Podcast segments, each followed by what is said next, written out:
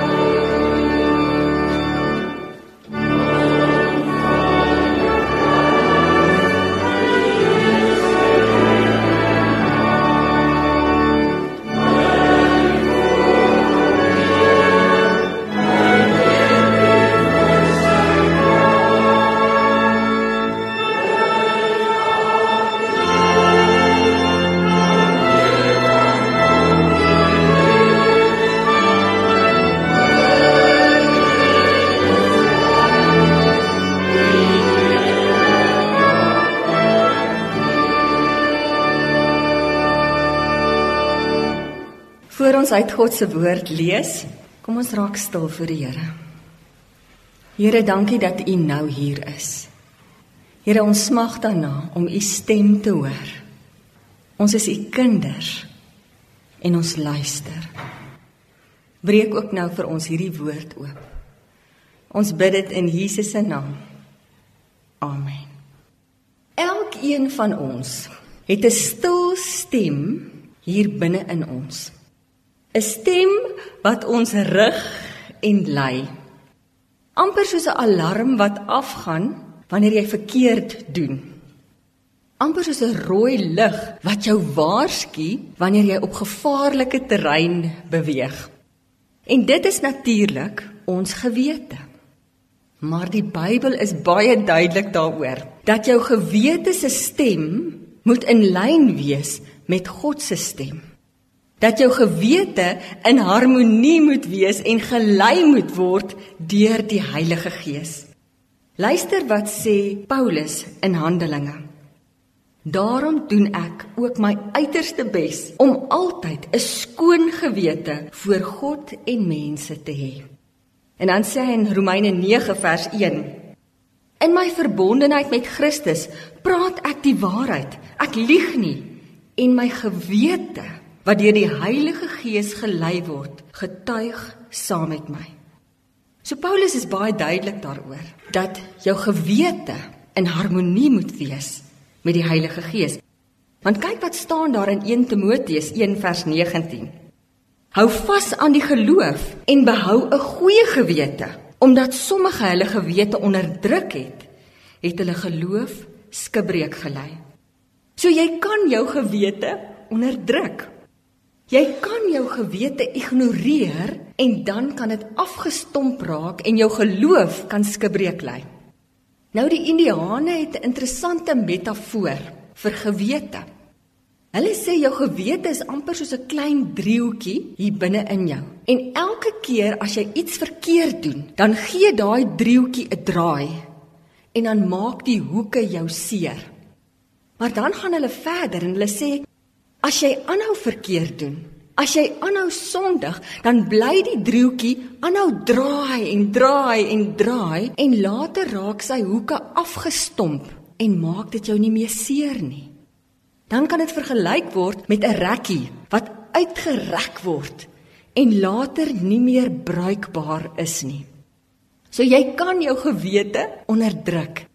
Dit kan afgestomp raak. Jy kan eerder na jou eie stem luister. Daar's 'n verhaaltjie wat vertel van hierdie stout seun en elke week is hy in die skoolhoof se kantoor want hy het nou weer iets aangevang. En op 'n stadium vra die skoolhoof in moedeloosheid: "Nou hoekom is jy so stout seun?" En die klein seentjie sê: "Ag meneer, ek het myself geleer." Baie keer luister ons eerder na ons eie stem as na God se stem.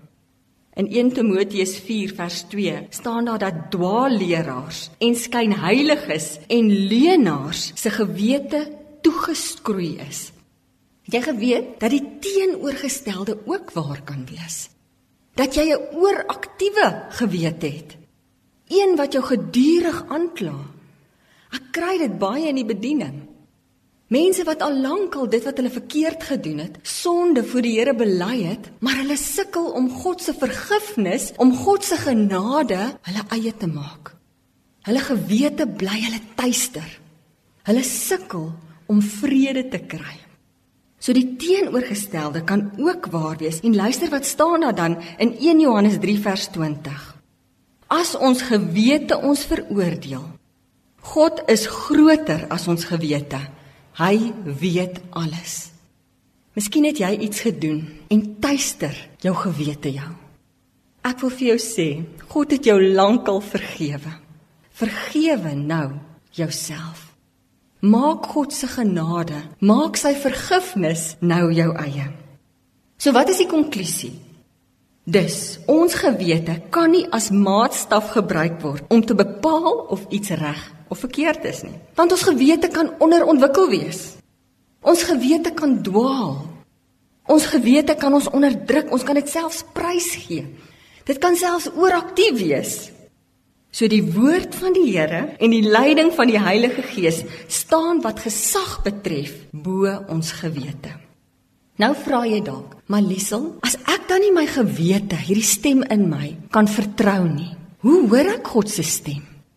Wanneer weet ek dit is God se stem of my stem wat ek hoor? En die groot vraag, hoe praat God dan met my? Nou die wonderlike is, God praat vandag nog met sy kinders. Het jy geweet dat die woord disipel beteken juis om te luister en te leer? So God nooi ons uit om te luister, want hy praat met sy kinders. Ons dink baie keer dat God praat net op 'n bonatuurlike wyse of op 'n misterieuse manier. Maar God praat meeste van die tyd deur die alledaagse en deur die Bybel. Ons moet luister. As jy kyk na die verhaal van die profeet Elia wat daar op die berg Karmel te staan gekom het teen die Baal profete. En die Baal profete het 'n altaar gebou en Elia het 'n altaar gebou en toe het hulle almal begin bid, want hulle wou kyk wie se God is nou die ware God. En die Baal profete het geskree en gekerm. Hulle het later hulle self begin beseer sodat Baal net moet reageer en niks het gebeur nie. En toe bid Elia en 'n wonderwerk gebeur. En God stuur vuur uit die hemel en dit verbrand die altaar. En baie keer praat God so deur 'n wonderwerk. Maar kort hierna moes die profeet Elia vlug vir sy lewe want koningin Isebel was op sy spoor gewees. Ons lees dat hy onder 'n braambos gaan lê en wens dat hy maar kan doodgaan. En toe verskyn God weer aan die profeet Elia. Maar hierdie keer nie deur vuur nie. Luister, ek lees graag vir jou hoe God toe met Elia praat. Maar die Here sê vir hom: Kom uit en gaan staan op die berg voor my die Here. Ek wil verbygaan. Skielik was daar 'n baie sterk wind wat die berg stikkend geruk het en die rotse gebreek het voor die Here. Maar in die wind was die Here nie. Na die wind was daar 'n aardbewing. Maar in die aardbewing was die Here nie. Na die aardbewing was daar 'n vuur. Maar in die vuur was die Here nie. En na die vuur was daar 'n fluistering in windstilte. En dan lees ons dat God in hierdie fluistering van windstilte was. Ja, God praat toe nie weer deur vuur nie. Hy praat hierdie fluistering van windstilte. So soms praat God met ons deur wonderwerke. Maar ek wil sê amper in die meeste gevalle praat hy met ons deur die alledaagse. Praat hy met ons deur sy woord, die Bybel. Dit is hoekom dit sy woord genoem word want hy praat met ons deur sy woord. En wanneer jy God se stem hoor en dit is nie in lyn met God se woord met die Bybel nie, dan is dit nie God se stem wat jy hoor nie. Want die Bybel sê dat sy woord is 'n lig vir ons pad. En die wonderlike is, die Bybel is die enigste boek wat daar is wat die outeur, die Heilige Gees, by jou is wanneer jy dit lees. Partykeer dan lees ons 'n teks vir die soveelste keer oor En ewe skielik word daar net vir ons 'n nuwe waarheid oopgebreek. En dit is die Heilige Gees. Wanneer jy daai teks lees, vir jou daai woord oopbreek. Die outeur van God se woord, die Heilige Gees, is by jou wanneer jy sy woord lees. Ja, laat die Bybel jou padkaart wees, jou GPS. Luister wat staan daar in Psalm 119. Daar is niks beter as u woord nie. Dit is soeter as heuning U voorskrifte het my geleer hoe om die lewe te bemeester. En daarom wil ek die Bybel so vat en vir jou sê: Neem, eet, laat God se woord jou stapel voedsel wees, want dit is soeter as heuning. Ons leer God ken. Ons leer sy Vaderhart ken in die Bybel. Waaroor gaan die Bybel? Die groot storie van die Bybel is God wat sy kinders innig liefhet. Dit gaan oor sy kinders wat droog maak, maar hy los hulle nie. Somal hier in die eerste boek van die Bybel, Genesis, lees ons dat Adam en Eva hulle rug op God draai. En wat doen God? Hy gaan soek hulle. Hy gaan soek vir Adam en Eva. God is as te ware die eerste sendeling. Hy los hulle nie al het hulle droog gemaak. En daar's ook dan stories van Moses wat 'n Egiptenaar doodgeslaan het. Maar God los hom nie. En van Josef wat 'n ou klikkieback is, maar God los hom nie. Van Dawid wat egbreek gepleeg het, maar God los hom nie. Hy hou aan soek tot hy sy kinders kry. En dis die wonder van die Bybel. Dit is die groot tema wat soos 'n goue draad reg deur die hele Bybel loop. Hoe lief God ons het. Dis die wese van God wat ons leer ken in sy woord. Jy geweet dat die stelling wat die meeste gemaak word in die Bybel is ek is by jou. Is dit nie mooi nie? Jy's nooit alleen nie. En die opdrag wat die meeste gegee word in die Bybel is moenie bang wees nie. Ja, die Bybel is goeie nuus. Die Griekse woord vir evangelie is euangelion en dit beteken goeie nuus. En daarom moet ons daai goeie nuus ons eie maak. Maar so baie keer dan luister ons eers en ons kyk eers na wêreldse nuus.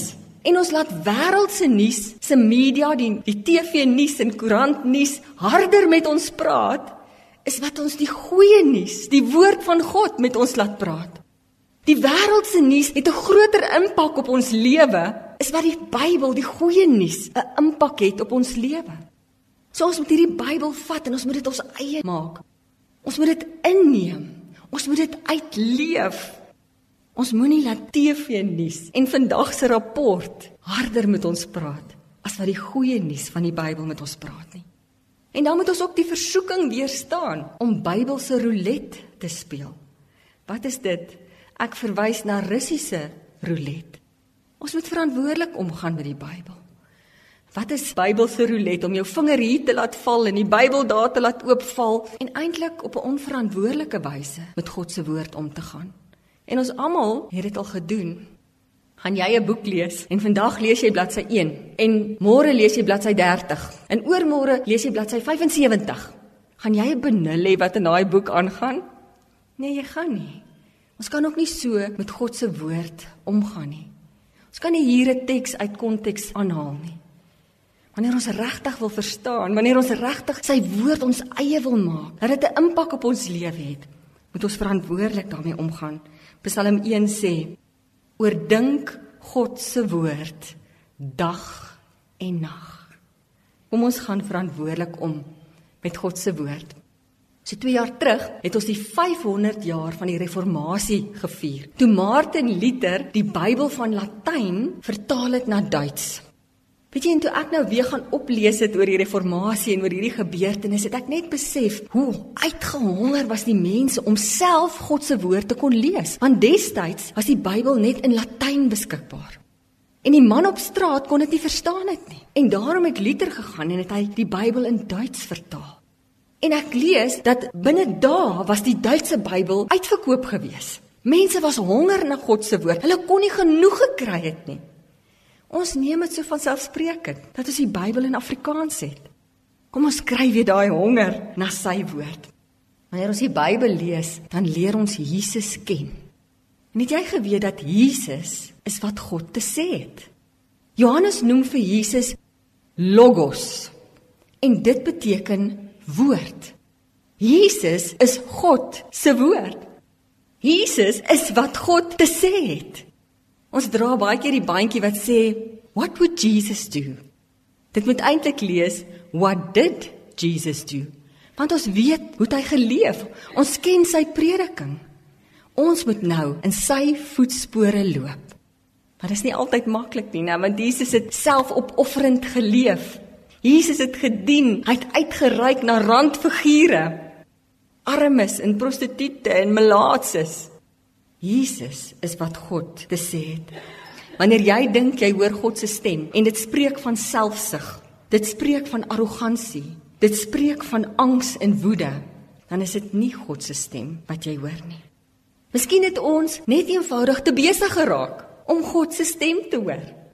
Iemand sê die ander dag vir my, "Liesel, maar ek hoor nie God se stem nie." En dan wil ek vra, "Maar het jy lank genoeg stil geraak om sy stem te hoor?" Want is moeilik om God te hoor as jy die hele tyd praat of as jy nie stil raak om sy stem te hoor nie. Maar ongelukkig leef ons in hierdie kitsamelewing en ons dink as ons daai gebedsknoppie druk, dan moet God onmiddellik antwoord. Maak tyd om by God te vertoef. In Johannes 20 lees ons die pragtige verhaal van Maria Magdalena en Petrus en ander disippels wat na die graf toe gegaan het. En toe hulle by die graf kom, was die klip weggerol en Jesus was nie daar nie. Ons lees in Johannes 20 dat die disippels en Petrus ingegaan het en dat hulle die doeke gesien het waarmee Jesus toegedraai was en dit het daar eenkant gelê. En ons lees dat hulle die doeke so een kyk gegee en toe het hulle huis toe gegaan. Maar Maria Magdalena het vertoef by die graf. Sy het gewag en wat het gebeur? Twee engele het aan haar verskyn en Jesus self het aan haar verskyn. Die Amerikaanse teoloog Leonard Sweet sê dit so mooi. Hy sê: The disciples saw dirty laundry. Maria heard the angels' voices. Dalk moet ons bietjie wag en vertoef en sit by sy voete. Nie so haastig wees nie. Dan sal ons sy stem hoor. Iets baie interessant en wat baie opvallend is in die Bybel, is dat God se gunsteling tyd wat hy met sy kinders praat, vroegoggend is en in die aand. Ons lees dat Adam en Eva met God gewandel het toe die aandwind opgekom het. Ons lees dat Job vroegoggend 'n altaar vir God gebou het en dat Abraham in die oggend God se teenwoordigheid gesoek het. Ons lees ook dat Moses vroeg met God gepraat het. En Jesus self, kyk wat staan daar in Markus 1 vers 35. Die môre vroeg, toe dit nog nag was, het hy opgestaan en buite toe gegaan na 'n eensame plek en hy daar gaan bid. Nou ek sê nie dat dit die enigste tyd is wanneer God met sy kinders praat, vroegoggend en laat aand nie. Maar dit is baie opvallend as jy die Bybel lees dat hierdie God se gunsteling tyd is wat hy met sy kinders praat. En toe ek dit raak lees, toe besef ek Maar hierdie is ook ons gunsteling tyd om op sosiale media te wees. En baie keer sommer vir ure. Vroegoggend en laat aand. En ek wonder of ons nie goue geleenthede mis om God te ontmoet wanneer ons nie stil raak in hierdie tye en vra na sy stem nie. Kom ons maak meer tyd vir God. Die wonderlike is wanneer ons die Bybel lees, is dat God ook deur sy kinders, die geloofsgemeenskap, God praat ook deur mense. Onthou julle die verhaal van die jong Samuel en die priester Eli? Samuel het gelê en slaap en hy het gehoor iemand roep hom. En dan gaan hy na die priester toe en hy sê: "Eli, het u my geroep?" En dan sê Eli: "Nee, ek het jou nie geroep nie. Gaan slaap weer." En dan gebeur dit 'n tweede keer en Samuel gaan na priester Eli toe en sê: "Het u my geroep?" En hy sê: "Nee." En toe dit die derde keer gebeur, toe besef die priester Eli, maar dis God wat vir Samuel roep. En hy sê toe ook vir hom: "Gaan klim in jou bed en gaan sê: Here, ek luister." Baie keer het ons 'n Eli in ons lewe nodig om ons te help om te onderskei of ons God se stem of ons eie stem hoor. Wie die apostoliese geloofsbelijdenis. Hierdie belydenis kom al van die 2de eeu na Christus af. Wat ons baie Sondae opsê. Dit is wat die vroeë Christene bely het. En in hierdie apostoliese geloofsbelijdenis staan daar: Ek glo in die Heilige Gees. Ek glo aan 'n heilige algemene Christelike kerk, die gemeenskap van die heiliges. En dit sê vir my dat ons as geloofsgemeenskap God gebruik ons baie keer en hy praat deur sy kinders met mekaar. So as jy onseker is of jy God se stem hoor, klankbord dit met 'n geestelike mentor, met iemand wat jy weet stap 'n pad met die Here. God praat ook deur sy kinders. Luister wat staan daar in Spreuke 13. Wie met wyse mense omgaan, kry self wysheid. Wie hom 'n dwaase ophou, word self sleg. Wanneer ons God se stem hoor, dan gee dit vir ons 'n opgewonde tevredenheid. Hoe mooi stel Romeine 8 vers 6 dit nie. Die dinge waarmee die sondige natuur van die mens hom besig hou, loop uit op die dood. Maar die dinge waarmee die Gees hom besig hou, bring lewe en vrede. Wanneer ek besig is met verkeerde dinge, met sonde in my lewe, dan gee dit my 'n stuk doodsheid in my binneste. Maar wanneer ek God se stem hoor, gee dit my 'n diepe vrede en skenk dit aan my lewe. Ons moet nooit ophou om God se wil te soek nie. Ons moet nooit ophou desperaat wees om sy stem te hoor nie. Daar staan in Psalm 139: "Deurgrond my o God, deurgrond my hart, ondersoek my, sien my onrus raak. Here, kyk of ek op die verkeerde pad is en lei my op die beproefde pad." In Jakobus staan daar: "Die wat wysheid kort kom, moet dit van die Here vra." moet nooit ophou soek na sy stem. Baie keer dan herken ons nie God se stem in ons lewe nie, want dit pas nie in by wie ons dink God is nie.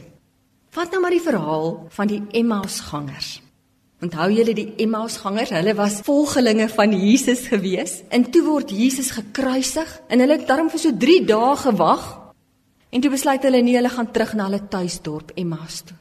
En ons lees dat hulle met geboë skouers geloop het en toe kom stap die opgestane Jesus saam met hulle. Maar hulle het hom nie herken nie. En hy lê vir hulle die skrifte uit. Maar hulle het hom nie herken nie. Hoekom nie? Want hulle het 'n politieke Messias verwag.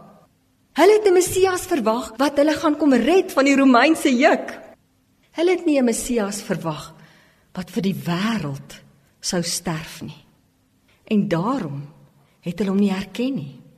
So soms dan praat God met ons, maar ons herken hom nie, want hy pas nie in by ons mensgemaakte teologie, by ons boksie wie ons dink God is nie. Laat my dink aan die verhaal van 'n man. Daar was 'n vloed in sy dorp. En hy klim toe vinnig op die dak en hy bid. En hy sê Here, red my. En sy buurman kom verby met 'n rubberbootjie en sê: "Kom, vriend, klim op, ek sal jou red." En die man sê: "Ag nee wat, ek het gebid. Die Here gaan my kom red." En die reddingsspan kom met 'n helikopter verby en hulle sê: "Kom, ons sal jou oppik." En hy sê: "Nee wat, ek het gebid. Die Here gaan my kom red." En die kruks van die verhaal is Hy mis God se stem. Want hy verstaan nie dat God ook deur mense kan werk. Ja, soms herken ons hom nie wanneer hy met ons praat nie. Dit wat hy sê pas nie in by die boksie, by dit wat ons dink God is nie. Om op te som en om af te sluit. Ons hoor God die beste wanneer ons 'n pad met hom stap. Wanneer ons in verhouding met hom leef. Romeine 12 sê dat wanneer ons onsself gee, dan kom God en hy vernuwe ons denke en hy haal ons kliphart uit en hy gee vir ons 'n hart van vlees en hy help ons om te onderskei wat sy wil is. Ek wil dit vergelyk met 'n teesakkie wat jy in kookwater sit.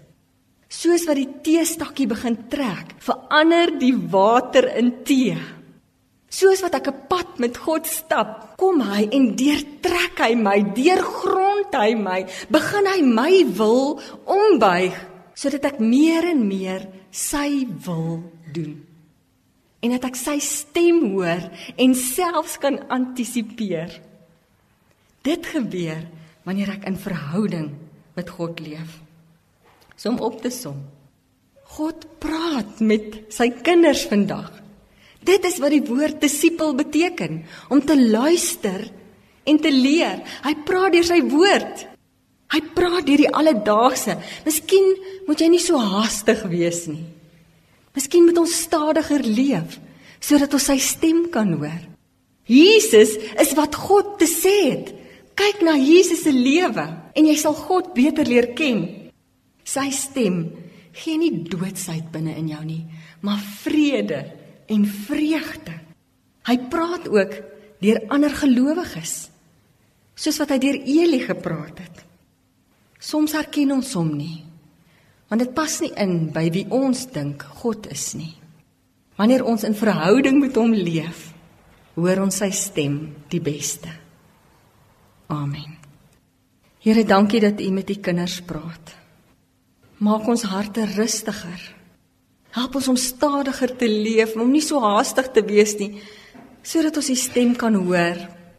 Sodat ons meer tyd in die woord kan spandeer, dat U met ons kan praat. Heilige Gees, U wat die outeur is van die Bybel, wees by ons elke keer as ons die woord lees en breek dit vir ons nuut oop.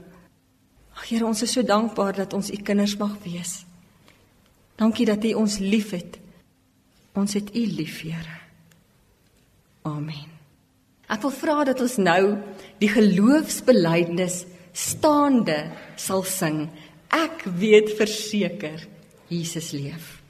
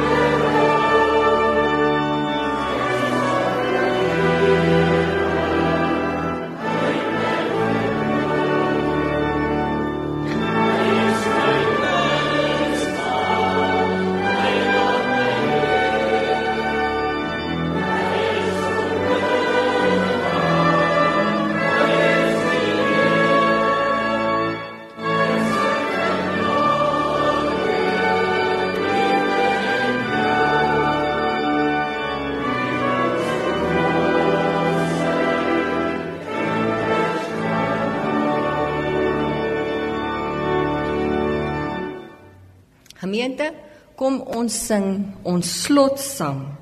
Lied 507 Hemelse Vader, U heers op U troon.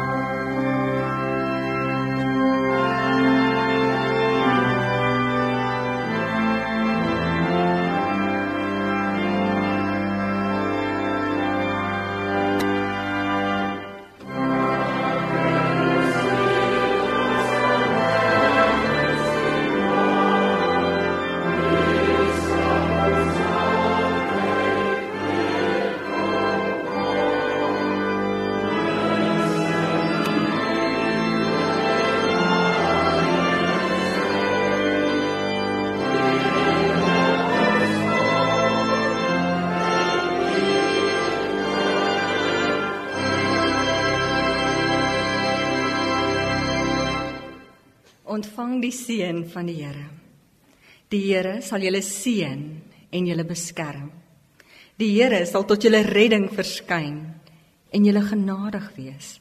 Die Here sal julle gebede verhoor en vir julle vrede gee.